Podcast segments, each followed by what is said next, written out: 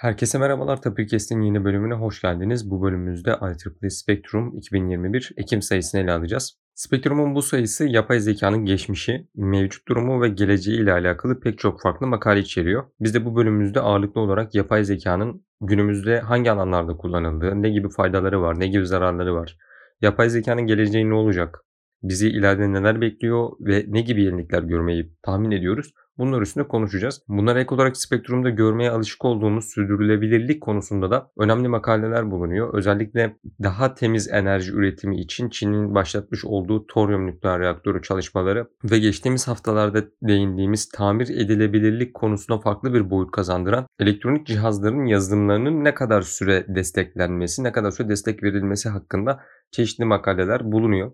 Son olarak yapay zekadan, sürdürülebilirlikten, tamir edilebilirlikten bahsetmişken yeni nesil haberleşme ağlarında karşımıza çıkan yazılım tanımlı radyo ve yazılımla konfigüre edilebilen radyo gibi kavramlara değinip gelecekte yeni nesil haberleşme ağlarında bizleri ne tür yapılar bekliyor, ne tür mimariler bekliyor bunlara değiniyoruz. Bunların haricinde spektrumda pek çok farklı makale, pek çok farklı konu ele alınıyor. Bunlara açıklamalarda belirtilen bağlantıdan ulaşabilirsiniz. Keyifli dinlemeler dileriz.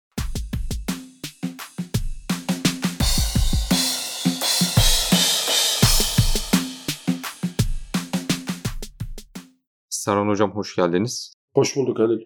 Bildiğiniz üzere birkaç aydır IEEE Spectrum'un sayılarını özellikle ele almaya çalışıyoruz. Çünkü orada daha derli toplu ve e, genel bir bakış atmış oluyoruz bu ayki gelişmelere.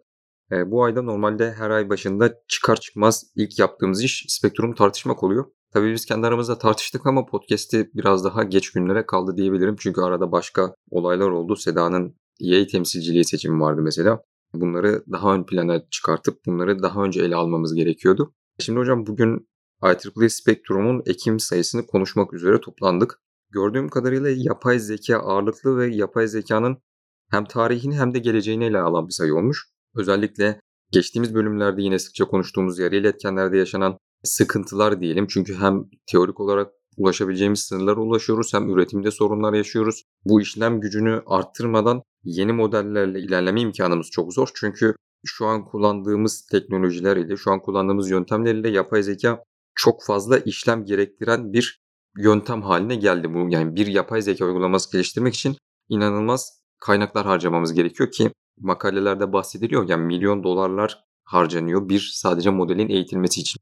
Burada belki senin de direkt topa girmen lazım. Zira yapmış olduğun uluslararası çalışmada da sana bir süper bilgisayarın hesabının açılması, bu hesabın kullanılması. Ben naçiz o bilgisayarın kendisini de gördüm. Orasını soğutmak için, orasını ayakta tutmak için ne kadar personelin çalıştığı e, ve kısa süreli kullanabiliyorsun malum sana daha az çekirdek ayrılıyor şu bu. E, gerçekten çok önemli bir problem. E, aslında bu konuda sen de mustaripsin diye düşünüyorum hani bilmiyorum. Öyle hocam. Özellikle bir kere sizin gönderdiğiniz işleri schedule ediyor. Yani zamanlıyor. Seninki diyor şu zaman bitecek diyor ve sizin tahminen ne kadar süreceğini söylemeniz gerekiyor oraya ki diğer testleri de onlara göre e, planlasın, diğer görevleri de onlara göre e, bitirsin. Ama burada bahsettiğimiz o süper bilgisayarın tamamında ele alınan bir model ve bu süper bilgisayar sadece bu modelin geliştirilmesi için kullanılıyor. Sanırım geçtiğimiz günlerde hocam siz paylaşmıştınız. Nvidia'nın geliştirdiği yeni bir dil modeli mesela hem Microsoft ve Nvidia ortaklığında geliştirilen modelde 530 milyar parametre olduğundan bahsediyor ve bunun eğitimi için bir sürü yeni yöntem geliştirilmiş. Hem distributed hesaplıyorlar hem bunları işte senkron ediyorlar, bu işlerle uğraşıyorlar.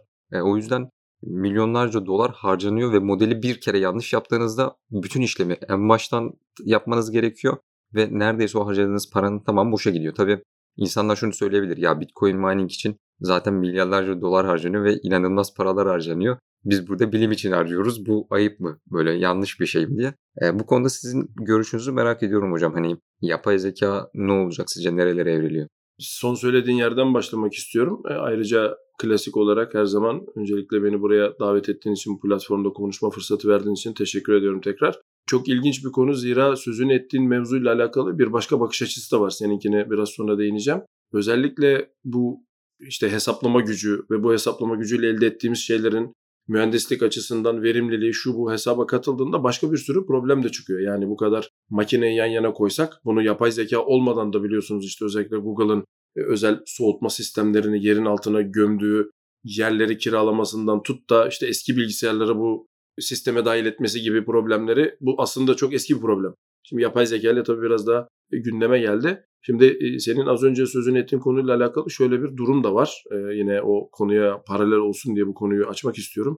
Biz hesabını yaptığımız şeylerin eskilerin deyimiyle aldığımız abdestin ürküttüğümüz kurbağaya değmesi gibi bir sorunla karşı karşıyayız. Şimdi bu, bu noktada bilimsel çalışmaları bir kenara koyuyor bir takım insanlar. Bir de bunun finansal kısmıyla işte karbon ayak iziyle işte bunun etkileriyle uğraşan bir grup insan var ve bu ikisi şimdi aynı platformu paylaşmak durumunda. Özellikle işte son spektrumda da çok sıkça değinilen bu iklim krizinin gündeme gelmesiyle işte bilimsel çalışmanın, hesaplamanın da bu artık silsile içerisinde dahil edilmesi söz konusu. Şimdi bunların hepsini bir potada erittiğimizde karşımıza şöyle bir şey çıkıyor. Yani yapay zeka derler yani futbol sadece futbol değildir. Yapay zeka sadece yapay zeka değildir'e geldik. İş buraya geldi. Tabii e, bu sözünü ettiğin teknolojik ilerlemelerin benim naçiz bakış açıma göre şöyle bir de bakış açısı olmak zorunda kalacak gibi hissediyoruz. Bunun başarımını neye karşılık getireceğiz? Yani daha önce de konuşmuştuk. Açıklanabilir yapay zeka, sorumlu yapay zeka, genel yapay zeka, özel yapay zeka. Bunların her birisinin tasnifi başlı başına bir bilimsel sorun haline geldi. Ancak bunları yaparken bir de sözünü ettiğin gibi işte Nvidia'nın galiba bir iç rapor olarak ya iç rapor diyelim de hani bilimsel çalışmanın genelde alışık olduğumuz dergilerin dışında bir kendilerine ait bir rapor olarak yayınladıkları bir durum da var. Bir de çalışan sürümlerini yapan endüstriyel tarafları var. Yani bilimsel jargon bir taraftan ya bu ne kadar iyi ne kadar kötü nereye gider diye bakarken bir de bunu hayatımızda belli problemleri belli seviyede oldukça iyi çözen somut çıktıları da ortaya çıkıyor. Şimdi bence bu ikisi belli bir yerde ya uzlaşmak zorunda kalacaklar ya da tamamen kutuplaşmak zorunda kalacaklar. E ben bunun tabii bilimsel kısmında kaldığım için pozisyon itibariyle bunun ne olduğunu göremiyorum. Görmek de istemiyorum çünkü bilim olmuyor ama e, mühendislik kimliğimle de bunun uygulamada kesinlikle ortaya çıkarttığı yararlı sonuçların evvel emirde hayatımıza olabildiğince hızlı girmesinden de yanayım. Ki yine sözü biraz uzattım ama IBM Watson'ın çok bundan yıllar önce bu işleri işte makaleleri okuyarak bunu bir filtreden geçirip hastalık teşhisi konusunda ne kadar başarılı olduğu yayınlandıktan sonra aslında bunların belli bir seviyede de bilimsel jargona da el atması gerektiğini düşünüyorum. Son konu sözü sana devretmeden önce yine bu zamanda spektrumun çıkmasından sonra Nature'da yayınlanan bir makalede ki sizinle de paylaştım. Verilerin büyüklüğünden bahsettin onunla alakalı. Bugüne kadar yayınlanan açık kaynaklı bütün makalelerin ya da çok büyük bir kısmının işte çeşitli ölçekte anahtar sözcüklerinin bir şekilde insanların kullanabileceği biçime getirildiği yayın da çıktı. Şimdi bir taraftan bu ilerliyor, bir taraftan veriler toplanıyor, bir taraftan veriler devasa hale geliyor, bir taraftan bunları işleyecek makineler devasa hesaplama gücüne sahip olmak zorunda. Bunların kullanmak zorunda olduğu kaynaklar bir tarafta. Yani problem yalnızca bir yapay zeka problemi bence olmayacak artık. Yapay zeka, yapay zeka diye tartışmak artık çok bence yetersiz kalacak diye özetleyebilirim Halil. Hocam dediğiniz gibi aslında yapay zeka pek çok farklı konuyu, alanı, disiplini, e, insanı, tarihi barındırıyor içinde. Ama ilk çıktığı yıllarda o şu an kullandığımız yapay sinir ağlarının ilk örnekleri bildiğim kadarıyla Perceptron olarak geçen uygulamayı ilk ortaya koyduklarında bazı bilim insanları 10 yıla biz bu işi çözeriz gibi aslında pek dayanağı olmayan ancak optimistik yorumlar yapmışlar, olumlu düşünmüşler. Tabii 10 yıla bu iş çözülmemiş ve e, orada bir AI'nin decline'i dedikleri bir dönem var. Yapay zeka çalışmalarında ilgi oldukça azalıyor. Sonrasında zamanla biz tekrardan işlem yapma gücünde, hesaplama gücünde çok ileri seviyelere ulaştığımızda 2010'lu yıllarda, 2011'li yıllarda tekrardan bu son dönemde sıkça kullandığımız derin öğrenme, convolutional neural network'ler gibi evrişimsel sinir ağları gibi yapıları ortaya koyuyoruz. Ancak bunlar dediğimiz gibi hesaplama açısından çok maliyetli. Şimdi bu kadar maliyetten, kullanımdan, hesaptan, çalışmadan bahsediyoruz ama ben özellikle bizlere ne gibi faydası var bunu bir sorgulamak istiyorum hocam. Evet, e, şirketler bunlardan çok büyük karlar elde ediyorlar. Yapay zeka işte Netflix gibi, Amazon Prime gibi şirketler, Spotify hatta YouTube Music sizin neyi sevdiğinizi tahmin edip, sizin neleri sevebileceğinizi tahmin edip sizi kendi platformuna daha fazla bağlamaya çalışıyor. Diğeri size daha fazla kendi ürününden satmaya çalışıyor. Ama bir e, insan olarak, bir vatandaş, yani bir dünyada var olan bir kişi olarak bana doğrudan e, var olan faydası ne? Benim için e, ne işe yarıyor? Bunu sorguluyorum. Üstelik Cambridge Analytica gibi olaylarda gördüğümüz kadarıyla yapay zeka bayağı bildiğimiz toplumları yönlendirmek ülkeleri kontrol etmek için de kullanılıyor. Şimdi bu noktada hem bunların işlem gücünü, karbon ayak izlerini, zararlarından bahsetmişken hem de acaba gerçekten yapay zeka faydalı bir şey mi yoksa aslında genel çerçevede baktığımızda bugüne kadar daha fazla zarar vermiş bir şey mi bunu merak ediyorum. Şimdi tabii senin soruna yanıt verebilecek belki potansiyelim yok ama şunu kendi gözlemlerimden naçiz söyleyebilirim Halil. Yapay zeka, yapay zeka yalnız yapay zeka değildir dedik. Bunun birkaç tane parçasını zaten sen söyledin. Ben de buna birkaç tane daha ek yapmak istiyorum. Birincisi şu, artık yapay zekayı yapay zekanın bir bilimsel çalışma olarak konuşulmasının zaten çıktığımız ortada. Yani senin de söylediğin işte Netflix gibi belki Amazon Prime gibi ya da şu an adını zikredemediğimiz ama bunu gerçekten çok yoğun kullanan birçok şirketin ya da uluslararası oluşumun çıktılarını görüyoruz, kullanıyoruz ya da bir şekilde bunlara maruz bırakılıyoruz. Hangisi onu bilmiyorum. Ancak şunu biliyoruz ki artık bu insanların en azından belli bir şekilde çalıştığı, başarılı mı bilmiyoruz ama çalıştığı söylenen bir araca, bir enstrümana dönüştüğü için haliyle bunu çeşitli amaçlar için kullanabilecek bir sürü de hedef oluşacak, bir sürü kaynak oluşacak. Bunlara yatırım yapan birileri olacak. Ben olaya şunu eklemek istiyorum müsaadenle. Biz yapay zekadan ilk bahsettiğimizde o senin sözünü ettiğin yerde e, insanların bunu bir problemi çözme üzerine gittiği naifliğinde, içselliğinde bir bilimsel çalışma olarak gördüğü dönemleri de az çok hatırlıyoruz. Belki yaşımız buna müsait değil ama bilimsel çalışmalardan bunu görebiliyoruz.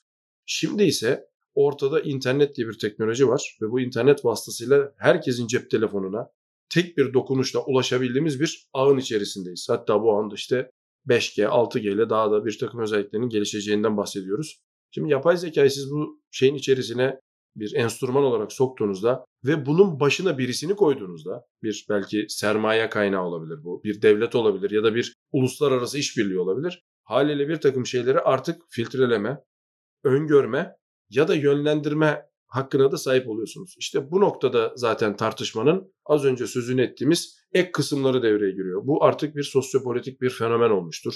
Bu hukuksal boyutu olan bir enstrüman olmuştur bu şirketlerin bunu nasıl kullandığıyla alakalı belki Allah saklasın kazalar oluştuğunda ancak öngörebileceğimiz durumlara vesile olmuştur gibi bir yere doğru gidiyor. Dolayısıyla problemi ben senin söylediğin çerçevede değerlendirdiğimde yani hukuk, sağlık, insanları yönlendirme, işte dediğin gibi belki hastalıkları iyileştirirken bile arka tarafta bilemediğim bir süzgeç. işte belki herkesin de şimdi bence bir takım bilimsel altyapısı olmayan ama çok ciddi konuştuğu e, değil mi Covid-19'da da yaşanan süreç. Yani bu acaba insanların bir kısmını filtrelemek için mi ortaya konduğu burada gerçekten karşımıza çıkabilecek dizilere bile senaryo olmuş bir durum söz konusu. Yani ben son kertede şunu söyleyeceğim. Yapay zeka artık sadece yapay zeka değildir. Konu bilimsel mecranın çoktan dışına çıkmıştır. Ama bunu söylemişken bilimsel domainde kalmak isteyen birisi olarak da yapay zekanın hala işte çeşitli malzemeleri geliştirmekte, işte protein katlanmasına nasıl tespit edeceğimizi öğrenmekte, öngörmekte. Hatta en son makalede biliyorsunuz dünya dışı hatta galaksimizin gök adamımızın merkezindeki bir işaretin çözümlenmesinde de bunun aslında işte yeni bir gök cismi olabileceğine dair yapılan araştırmalarda da kullanıldığı bir araç, bir enstrüman. Yani bu biraz bıçağa benziyor. İşte ekmek de kesebiliyorsunuz, adam da öldürebiliyorsunuz. E bakalım tartışma nereye gidecek ben de bilmiyorum. Haklısınız hocam. Sanırım bunu yaşayarak öğreneceğiz. Bunu yaşamadan, tanık olmadan neler olabileceğini tahmin etmek çok zor. Bu güvenlik konusundan ve toplumların yönlendirilmesi konusundan bahsederken daha önce Muhammed Ali Aydın Hoca ile çektiğimiz bölümler aklıma geldi hocam. Orada Muhammed Ali Aydın Hoca bunların nasıl yapıldığını, siber istihbarat kavramlarını, e, verilerin güvenliğinin nasıl sağlanabileceği konularını bizlere detaylıca anlatmıştı. Bir de buradan tekrardan onları tebrik etmek istiyoruz bu vesileyle. 2021 YÖK Sanayi Üniversite İşbirliği Üstün Başarı Ödülünü aldılar. Hocamızı da ağırladık. İlerleyen haftalarda, ilerleyen günlerde bu ödül üstüne ve istek üzerine de özel bir bölümümüz daha olacak. Buradan da onu deneyicilerimizle paylaşmak istedim. Bu noktada da verilerin güvenliğinden, yapay zekadan ve diğer e, gelişmelerden bahsederken aslında bir şeyin varlığını doğrudan net olarak kabul etmiş ve sürekli buna erişimimiz varmış gibi kabul ediyoruz hocam. Bu da elektrik. Ancak son yapılan çalışmalar gösteriyor ki ve dünyada ülkelerin sahip olduğu mühimmat kapasitesi gösteriyor ki atmosferde patlatılacak bir EMP bombasının yani elektromanyetik pulse bildiğim kadarıyla bir nükleer bombanın ve bu nükleer bomba patladıktan sonra çok yüksek enerjili, çok inanılmaz güçlere sahip olan elektromanyetik dalgalar yayıyor. Bütün güç sistemini, bütün power grid'i bir anda ortadan kaldırabileceği ya da ortadan kaldırma derken yok etme değil sadece oranın işlemez hale getirebileceği söyleniyor. Bu gibi tehditler de bizleri bekliyor ancak hani insanlar şunu düşünebilir ya 2021 yılında biz bu kadar şey konuşurken hala kendi kendimize vereceğimiz zarardan niye bahsediyoruz diye insanın aklına geliyor. Ben okurken hani ilk düşündüğüm şey ya şu an biz daha önce konuşmuştuk size hocam. Belirli bir grup belki Mars'a kaçmaya çalışıyor. Belirli bir grup hani başka bir yerde bir yaşam bulmaya çalışıyor. Ama biz hala birkaç ülkenin, birkaç insanın birbirine üstünlük taslaması için atmosfere atacağı EMP bombasının bütün power grid'i keseceğinden bahsediyoruz. Ki şu an hani çok şükür biz yaşamın makineye bağlı olan insanlar değiliz. Belki elektrik de olmadan yaşamımızı sürdürebiliriz ama önemli bir kesim, ciddi bir kesim bildiğimiz makinelere ihtiyaç duyuyor. Elektrikle çalışan cihazlara ihtiyaç duyuyor. Benim aklıma gelen ilk şey bu olmuştu. Bu noktaya da ayrıca bir dikkat çekmek istedim. Ben şunu söylemek istiyorum. Söylediğin e, başlıkla alakalı birkaç aslında bölüm önce yine konuştuğumuz bu insanoğlunun aslında bilimsel alanda evrimsel olarak da buna dahil edilebiliriz. Yani medeniyet olarak işte kaçıncı mertebede olduğunu biliyorsun hep evet. konuşuyoruz. Yani işte kendi gezegeninden beslenmeye çalışan bir enerji kaynağı işte bunu mümkünse yıldızına oradan da işte Gökada'ya hatta uzay zamanı bükerek bir şeyler yapması hepsi söz konusu ama az önce sözünü ettiğin konu bu meşhur Fermi'nin paradoksuna da atıfta bulunuyor. Aynı zamanda bir galaktik ya da evrensel filtreye de atıfta bulunuyor. İnsanlar bunları zamanında düşünmüşler ve demişler ki yani bizim gelişmiş bir işte bir e, zekayla, bir, bir medeniyetle karşılaşma ihtimalimiz bu anlamda sıfır. Çünkü kendimiz gibi düşünüyoruz. Yani bir şekilde belli bir seviyeye ulaşınca kendini patlatmaya meyilli bir medeniyetin medeniyet ilkeleri, medeniyet olasılıkları arasında mevcut olduğunu gösteriyor. Çünkü insan böyle bir tür. Şimdi bu da ona atıfta bulunuyor. Yani belli bir gelişmişlik seviyesine geldiğinizde dediğiniz gibi bir takım insanlar Mars'a kaçmaya çalışıyor. Bir takım insanlar da acaba kendimizi nasıl yok ederiz'e sahip miyiz? Bu yetkinlikte miyiz diye düşünüyor. Tahmin ediyorum bu bizim medeniyetler silsilesindeki yerimizi de belli ediyor. Eğer biz enerji kullanımı açısından gezegene bağlı hatta onun da alt düzeylerinde bir medeniyet olmasaydık muhtemelen bunu konuşmuyor olurduk. Muhtemelen çizgi filmlerde hep gördüğümüz eski zamandaki çizgi filmlerde başka bir gök adayı ele geçirmeye çalışan insan için konuşuyorum. Bir tür olabilirdik. Ancak şu an kendimizle uğraşıyoruz bayağı bir. E, bunun da dediğin gibi yine sosyopolitik etkileri olduğunu düşünüyorum. Çünkü yani ülke olarak düşündüğümüzde bir takım ülkelerin hiç ele almadığı bir sorun var. Mülteci sorunu. Etrafında savaş olan insanlar var ve bu insanlar savaştan kaçıyor. Bunların bir şekilde sizde e, ikamesi söz konusu. Ancak buna hiç elini sürmek istemeyen bir grup var. Sadece farklı bir kıtada olduğu için ya da biraz uzak olduğu için. Onların kendilerine ulaşmaması için size maddi destek sağlamaya çalışıyorsa haliyle bunun daha üst boyutunda bunu silaha dönüştürebilir. Başka şeyler yapabilir. Yani bu, bu söylediğin konu gerçekten önemli. Çeşitli boyutlarda, çeşitli seviyelerde mutlaka karşılığını göreceğimiz bir durum. Çeşitli bir şekillerde yani sanki Homo sapiens'ın bir e, kaderi bu. Yani bu kendi kendini yok etmeye dayalı sistem teknolojik olarak şu an bunu konuşuyoruz. Teknoloji olmasaydı belki başka türlüsünü konuşacaktık. Ya dediğim gibi gerçekten çok önemli bir konu Halil ve iklim kriziyle bir araya geldiğinde yani teknolojik olarak ilerliyor olmak kaynakları ne kadar iyi kullandığımızla alakalı ancak bunu ne kadar kötü yaptığımızı her şeyi batırdıktan sonra anlıyor olmamız da çok ilginç. Gerçekten güzel bir makale olmuş. Ben de e, açıkçası bunun bana düşündürdükleri anlamında çok öne çıkardığım bir makale bu Halil. Sağ olun hocam. E, bu enerji seviyelerinden bahsetmişken aslında diğer bir çalışmada, diğer bir makalede de Çin'in geliştirmiş olduğu toryum nükleer reaktöründen ve bunun yakın zamanda hayata geçeceğinden bahsediyor. Projenin detaylarına çok fazla girmek istemiyorum ama neden toryuma geçiliyor ya da neden böyle yeni kaynaklar nükleer enerji üretimi için tercih edilmeye çalışılıyor ona belki değinebiliriz. Bildiğim kadarıyla toryum ile yapılan e, nükleer santrallerde hani daha temiz ve daha çevreci sonuçta elde edeceğimiz şey hep bu ve e, daha verimli bir enerji üretim santrali elde etmiş oluyoruz. Çin'de bu konuda önemli gelişmeler yapıyor. Zaten Çin biliyorsunuz hocam 15 yılda bir metropol inşa edebilen, aylar mertebesinde hastaneler yapan inanılmaz bir ülke. O yüzden toryum nükleer reaktörünün de çok fazla gecikeceğini düşünmüyorum. Ki yine siz paylaşmıştınız hocam hatırladığım kadarıyla. Mesela Çin'in Ay'a gidiş planları üstüne konuşmuştuk. Çin Ay'dan örnekleri çoktan getirdi, inceledi ve bunun çalışmalarını yayınlıyor bile. Ee, bazen devletlerin dediğiniz gibi farklı yapılarının olması ve farklı kültürlerin olması bazı işlerin çok hızlı hayata geçirilebilmesini yarıyor anladığım kadarıyla. Çin'in yine ay e, ile ilgili keşifleri hakkında da bu spektruma uzun uzun değiniliyor ve daha önce yine bahsettiğimiz 2030 yılında ayda kimlerin üssü olacak, kimler ayda söz sahibi olacak, uzaya hakim olma, uzay savaşları konusunda neler yaşayacağız bunları da değiniyoruz. Bölümümüzün sonlarına gelirken hocam ancak ben yine süreklilikle bitirmek istiyorum. Geçtiğimiz bölümlerde bir tamir edilebilirlik konusuna değinmiştik.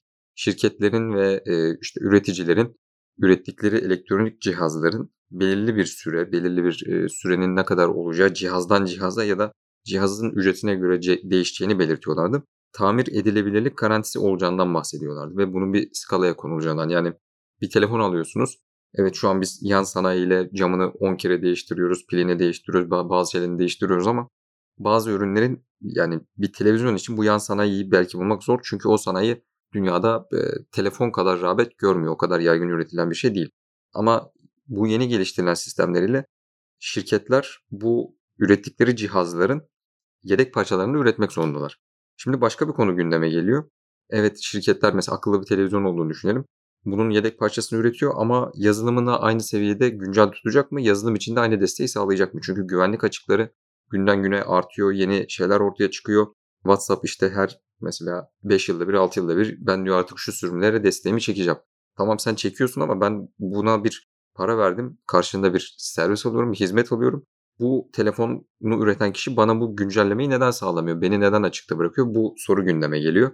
O yüzden hem fiziksel olarak cihazların tamir edilebilirliği aynı zamanda yazılımsal olarak tamir edilebilirliği konusunda da gelişmeler yaşayacağız gibi görünüyor ilerleyen günlerde. Bu konuda sizin fikrinizi de merak ediyorum hocam. Halit söylediğin problemin haberleşme ile ilgili kısmından biraz bahsedeceğim. Bu zaten herkesin yaşadığı bir sorun. Zaten sen de makalede de çok yerinde belirtmişler. Bu problemin önümüzde önemli bir problem olarak durdu. Problemler arasında önemli bir problem olarak ortaya çıktı zaten aşikar. Ancak haberleşmede de benzer bir sorun var. Hatta bu fikirle alakalı Mitola'nın öne koyduğu işte bilişsel radyo aslında hemen hemen bu fikrin atası diyebileceğimiz bir bakış açısıyla ortaya çıktı.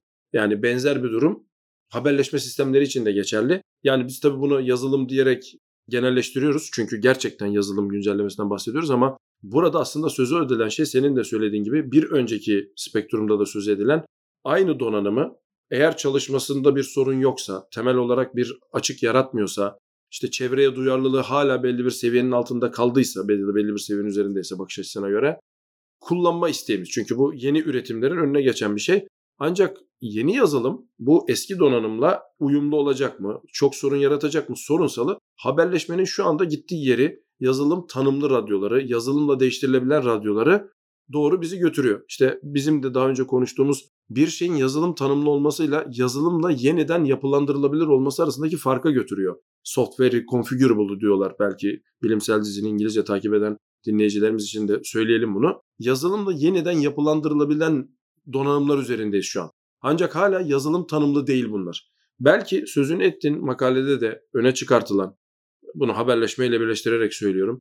Öne çıkartılan aslında düşünce Mitola'nın bundan 20-25 sene önce söylediği bu yazılım tanımlı kavramı. Şu an hala yazılım tanımlı kavramına uzağız. Yazılım tanımlı kavramına yakınız ama yazılım tanımlı kavramında değiliz. Belki öyle bir evrensel donanımdan bahsediyor olabiliriz ki bu yazılım tanımlı olur ve sadece biz yazılımı değiştirerek donanımın istediğimiz şeyleri hala belli bir seviyede yapmasını sağlayabilecek duruma geliriz. Bu tabii iki tane problemi gündeme getiriyor. Bir, bununla ilgili bir dil üzerinde konuşuluyordu yıllar önce. işte RKRL deniyor ona. Radio Knowledge Resource Language deniyordu. Yani bu sadece haberleşmeye özel bir bilgi tabii. Bunu genel platforma getirmek mümkün olabilir belki. Bunu ayrıca tartışırız. İkinci kısmı da donanım geliştiricileri. Donanım geliştiricilerinde önemli bir e, sıçrama yapıldı. Çünkü artık FPGA'lerin önüne, ardına, yanına radyo donanımları artık dijital olarak yani sayısal olarak gömülü geliyor. İşte bunların yanında bir de özel işlemci kavramı çıktı. İşte şimdi az önce konuştuğumuz yapay zeka tanımlı kavramını da duyabileceğiz. Eğer böyle olursa sözünü ettiğimiz makaledeki konu tekrar ele alınacak. Çünkü bu sefer o sözünü ettiği amaca çok daha yakın, çok daha kolay erişilebilir olabildiğimiz bir dünyaya doğru ilerleyebileceğiz. Ya burada da bu konunun haberleşmeden başlayan ama teknolojinin yakın, yakınsaması göz önünde bulundurulduğunda gittiği yeri göstermek adına belki dinleyicilerimize bir ışık sağlamış olabiliriz diye düşünüyorum hadi. Teşekkürler hocam. Bu alanda yapılan çalışmaların ciddiyeti o kadar büyük ki Avrupa Birliği işte bütün Avrupa ülkeleri bir araya gelerek e, yeni nesil haberleşme ağlarında eski sahip olduğumuz mesela e, bunu gerçi çoğu kişi bilmiyor olabilir ama bir baz istasyonu kurulumunda bir marka kullanılıyorsa bu marka bütün network'te var olmalı ve siz bir şey bozulduğunda gidip başka bir üreticinin ürettiğini alıp oraya takamıyorsunuz çünkü haberleşme sorunu oluyor. Onun konfigürasyonları farklı oluyor. Ya farklı bir dil kullanıyor. Girişi farklı, çıkışı boyutu farklı. Bunun önüne geçebilmek adına hem haberleşme piyasasında rekabeti arttırabilmek hem de e, bu anlık bozulmalara daha hızlı müdahale ve belki de daha dediğiniz gibi açık, sürdürülebilir ve pek çok insana katkı sağlayabileceği bir e, ortamı oluşturmak için Open Radio Access Network dedikleri açık kaynaklı dahi olmasını istedikleri bir sisteme ciddi yatırımlar yapıyorlar.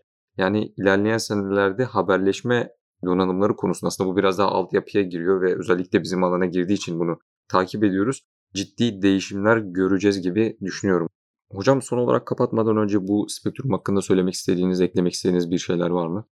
Aslında çok güzel bir yere getirdin Halil. Yani iş dönüyor dolaşıyor. Açık kaynak, insanların bir şekilde katkıda bulunduğu standartlara erişim ve standartlara katkı gibi aslında ülkemizi de çok önemli bir şekilde gelecek vizyon açısından önemli bir yere koyacağını düşündüğümüz bir başlığa taşıyor. Ülke olarak bu konuda hala istediğimiz yerde olmadığımızı hissediyorum. Aslında hep böyle de hissetmeliyiz. Yani olsak da böyle hissetmeliyiz ama ya bu konuda gerçekten geride olduğumuzu düşünüyorum ve bu konuya önemli bir yatırım yapılması gerektiğini düşünüyorum. Açık konuşmak gerekirse IEEE özellikle bizim alanda hem standardı özellikle kendisi destekleyen ve bu anlamda işte dünya çapında Amerika menşeli olsa da dünya çapında bu işleri ortaya koyan, bu işlerin sürdürülmesini sağlayan bir organizasyon. E, bunun dışındaki organizasyonlar da var. Biz de tabii Türkiye olarak haberleşme anlamında regülasyon olarak Avrupa Birliği'ne bağlıyız ama ya bu konuda ülke olarak mutlak surette bunlara katkı yapmamız lazım. Aksi takdirde yine seyreden tarafta olup yine takip eden tarafta olacağız. Yani problemin bizim için yalnızca adı değişmiş olacak ama çıktısı değişmemiş olacak. Ya ben konuyu gerçekten güzel bir yere getirdiğiniz için teşekkür ediyorum. O yüzden açık kaynak katkısı ve bu konularda standartlara katkı yapabilmek, çalışmalarımızı buraya doğru yönlendirebilmenin bu vesileyle ne kadar önemli olduğunu vurgulayıp ben de teşekkür ederek tamamlamak istiyorum. Ali. Tekrardan teşekkür ederim hocam katıldığınız için. Önümüzdeki Spektrum bölümlerinde tekrardan görüşmek üzere diyorum. Herkese iyi haftalar.